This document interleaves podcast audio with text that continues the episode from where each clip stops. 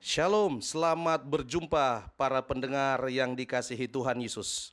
Saya Pendeta James Bawari dalam program acara Rema minggu ini.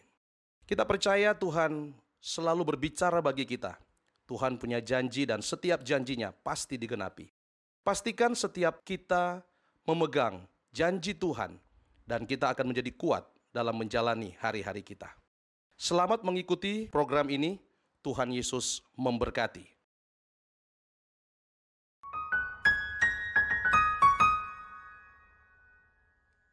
Shalom, saudara yang dikasihi Tuhan Yesus Kristus. Kita berjumpa lagi dalam program acara Rema minggu ini.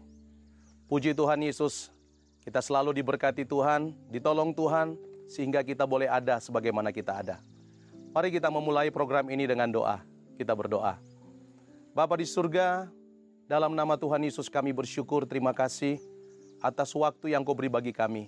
Saat ini kami mau merenungkan firman-Mu karena kami percaya firman-Mu itu pelita bagi kaki kami dan terang bagi jalan kami. Tuntun kami berjalan dalam kebenaran-Mu ya Tuhan. Ajar kami menghitung hari-hari kami sedemikian, supaya kami beroleh hati yang bijaksana. Kami selalu mau menyimpan firman-Mu dalam hati kami, supaya kami jangan lagi berdosa di hadapan Tuhan. Terima kasih Tuhan Yesus, berfirmanlah kepada kami. Dalam nama Tuhan Yesus, haleluya. Amin.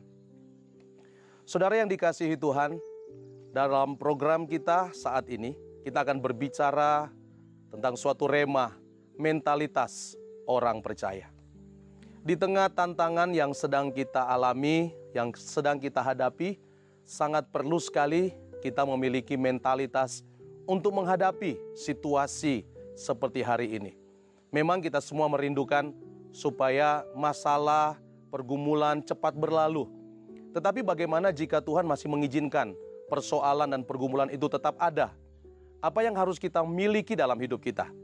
Tentunya kita harus punya mentalitas untuk bisa menjalani suatu kondisi seperti itu. Nah, dalam suatu kebenaran firman dalam Kejadian pasal 26 ayat 1 sampai dengan ayat 33, di sana ada satu peristiwa di mana Ishak pada waktu dia sampai di daerah orang Filistin, secara khusus di Gerar, di tempat itu sedang terjadi pandemi kelaparan yang luar biasa. Ada kelaparan yang sangat hebat, kekeringan yang sangat luar biasa. Sampai-sampai orang-orang yang di daerah Gerar itu, mereka pindah ke tempat lain atau ke negeri yang lain untuk menolong situasi mereka. Tetapi secara luar biasa, di dalam kejadian pasal 26 ayat 1 dikatakan maka timbullah kelaparan di negeri itu. Ini bukan kelaparan yang pertama yang telah terjadi dalam zaman Abraham. Sebab itu Ishak pergi ke Geral kepada Abimelek, raja orang Filistin. Ayat yang kedua, lalu Tuhan menampakkan diri kepadanya serta berfirman, Janganlah pergi ke Mesir, diamlah di negeri yang akan kukatakan kepadamu. Ini luar biasa saudara. Pada waktu Ishak berencana untuk mencari tempat yang aman untuk menolong hidupnya. Justru pada waktu yang sama, Tuhan datang berfirman kepadanya untuk berkata, "Jangan keluar dari Gerar itu." Sama dengan Tuhan katakan, "Jangan keluar dari kesulitan itu, tetap ada di tempat itu." Secara manusia, saudara, semua kita pasti ingin mencari tempat yang aman, yang tenang, bisa menolong keadaan kita hari ini. Tapi bagaimana kalau Tuhan berkata seperti Tuhan berkata kepada Ishak, tetap di tempat itu, sekalipun tempat itu tempat yang tidak nyaman bagimu. Nah ini suatu pergumulan tentunya. Namun di sinilah saya belajar, kita bisa belajar saudara, dari kehidupan Ishak. Ishak mengajar kita hari ini bagaimana memiliki mentalitas orang percaya. Yang pertama saudara, di ayat yang kedua pada waktu Tuhan datang kepada Ishak berkata, jangan engkau pergi keluar dari Gerar ini, jangan pergi ke Filistin. Benar-benar Ishak mematuhinya. Mentalitas yang pertama yang saya belajar dari Ishak adalah orang yang percaya kepada Tuhan. Dia siap diatur oleh Tuhan karena dia percaya setiap apa yang Tuhan tetapkan itu pasti yang terbaik untuk hidupnya. Yakin percaya akan setiap keputusan Tuhan. Pada waktu kita berdoa, kita seharusnya ternyata berdoa supaya seperti Yesus katakan, jadilah kehendakmu. Dengan kata lain, kita percaya kehendak Tuhan itu akan jauh lebih baik daripada kehendak kita pada waktu kita berdoa.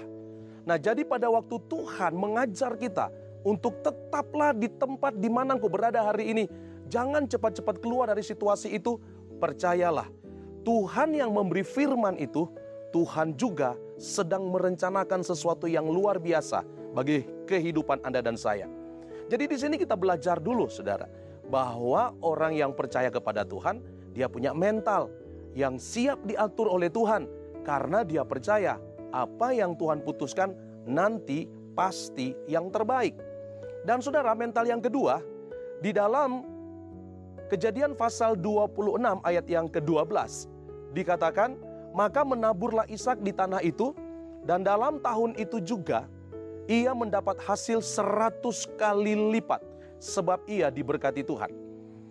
Pada tahun itu juga, tahun di mana pasal 26 ayat 1 katakan, tahun kelaparan, tahun kekeringan, yang tidak mungkin orang bisa bercocok tanam dan menghasilkan. Tetapi Ishak yang percaya kepada Tuhan, karena Tuhan katakan kamu jangan ke Mesir, tetap di sini. Lakukan apa? Ya kamu lakukan apa yang kamu bisa yang dia bisa, dia menabur saudara, sekalipun kering. Mungkin orang yang melihat apa yang diperbuat oleh Ishak, wow, mana mungkin bisa berhasil. Tetapi Ishak melakukannya karena apa? Bukan karena lahannya subur, bukan karena kondisi alamnya baik, tapi karena punya janji Tuhan. Karena dia pegang firman Tuhan. Yang menyuruh Ishak tidak boleh ke Mesir adalah Tuhan. Maka dia yakin kalau Tuhan menyuruh tetap ada di Gerar, it's okay. Itu berarti Tuhan sudah siapkan jalan keluar. Maka dia menabur di tanah yang kering itu dan Alkitab berkata ayat 12 tadi kita baca. Dia mendapatkan hasil seratus kali lipat. Wow, luar biasa saudara.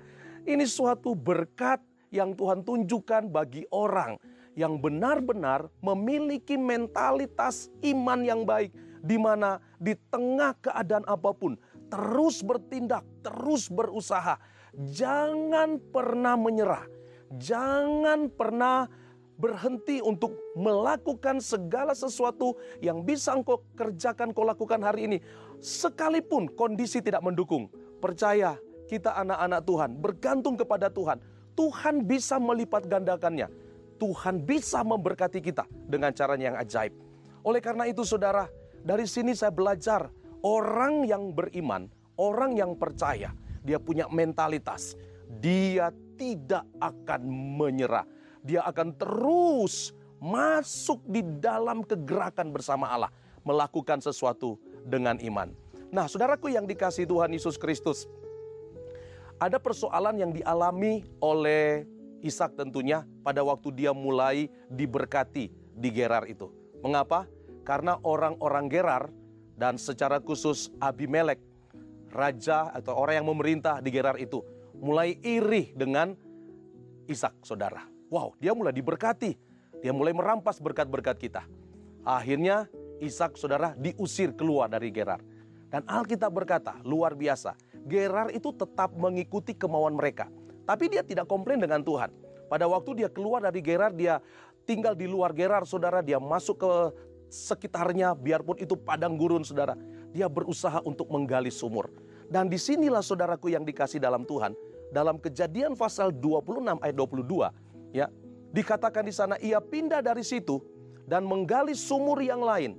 Tetapi tentang sumur ini mereka tidak bertengkar.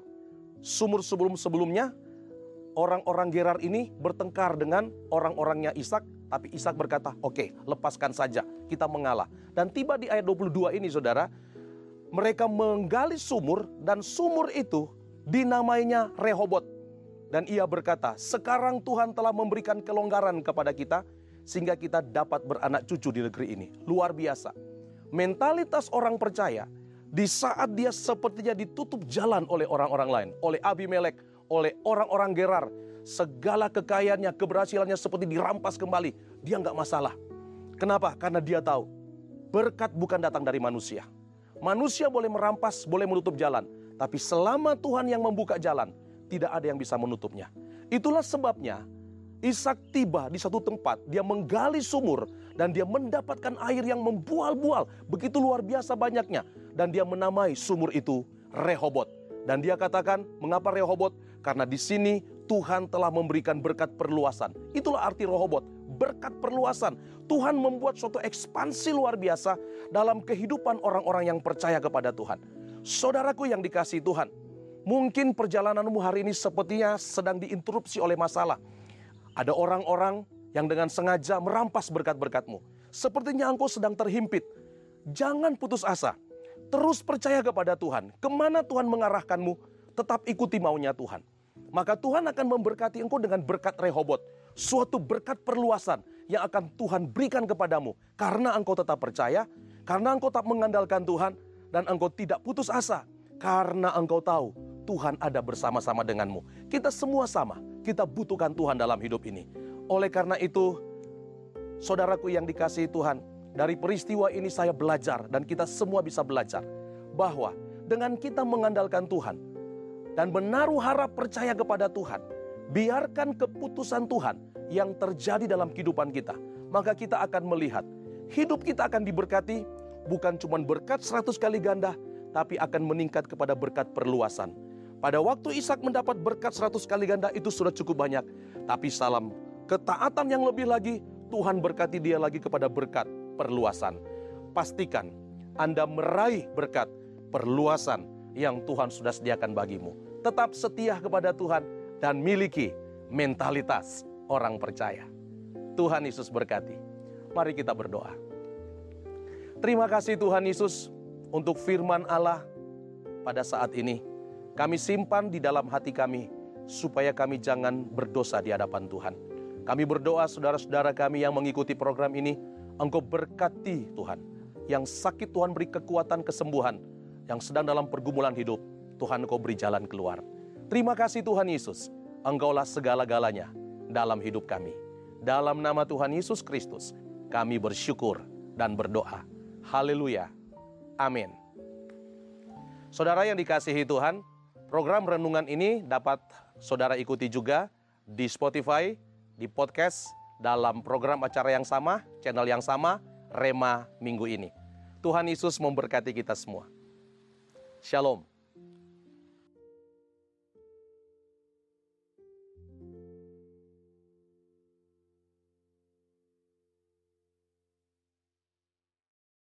Demikianlah Rema pada hari ini.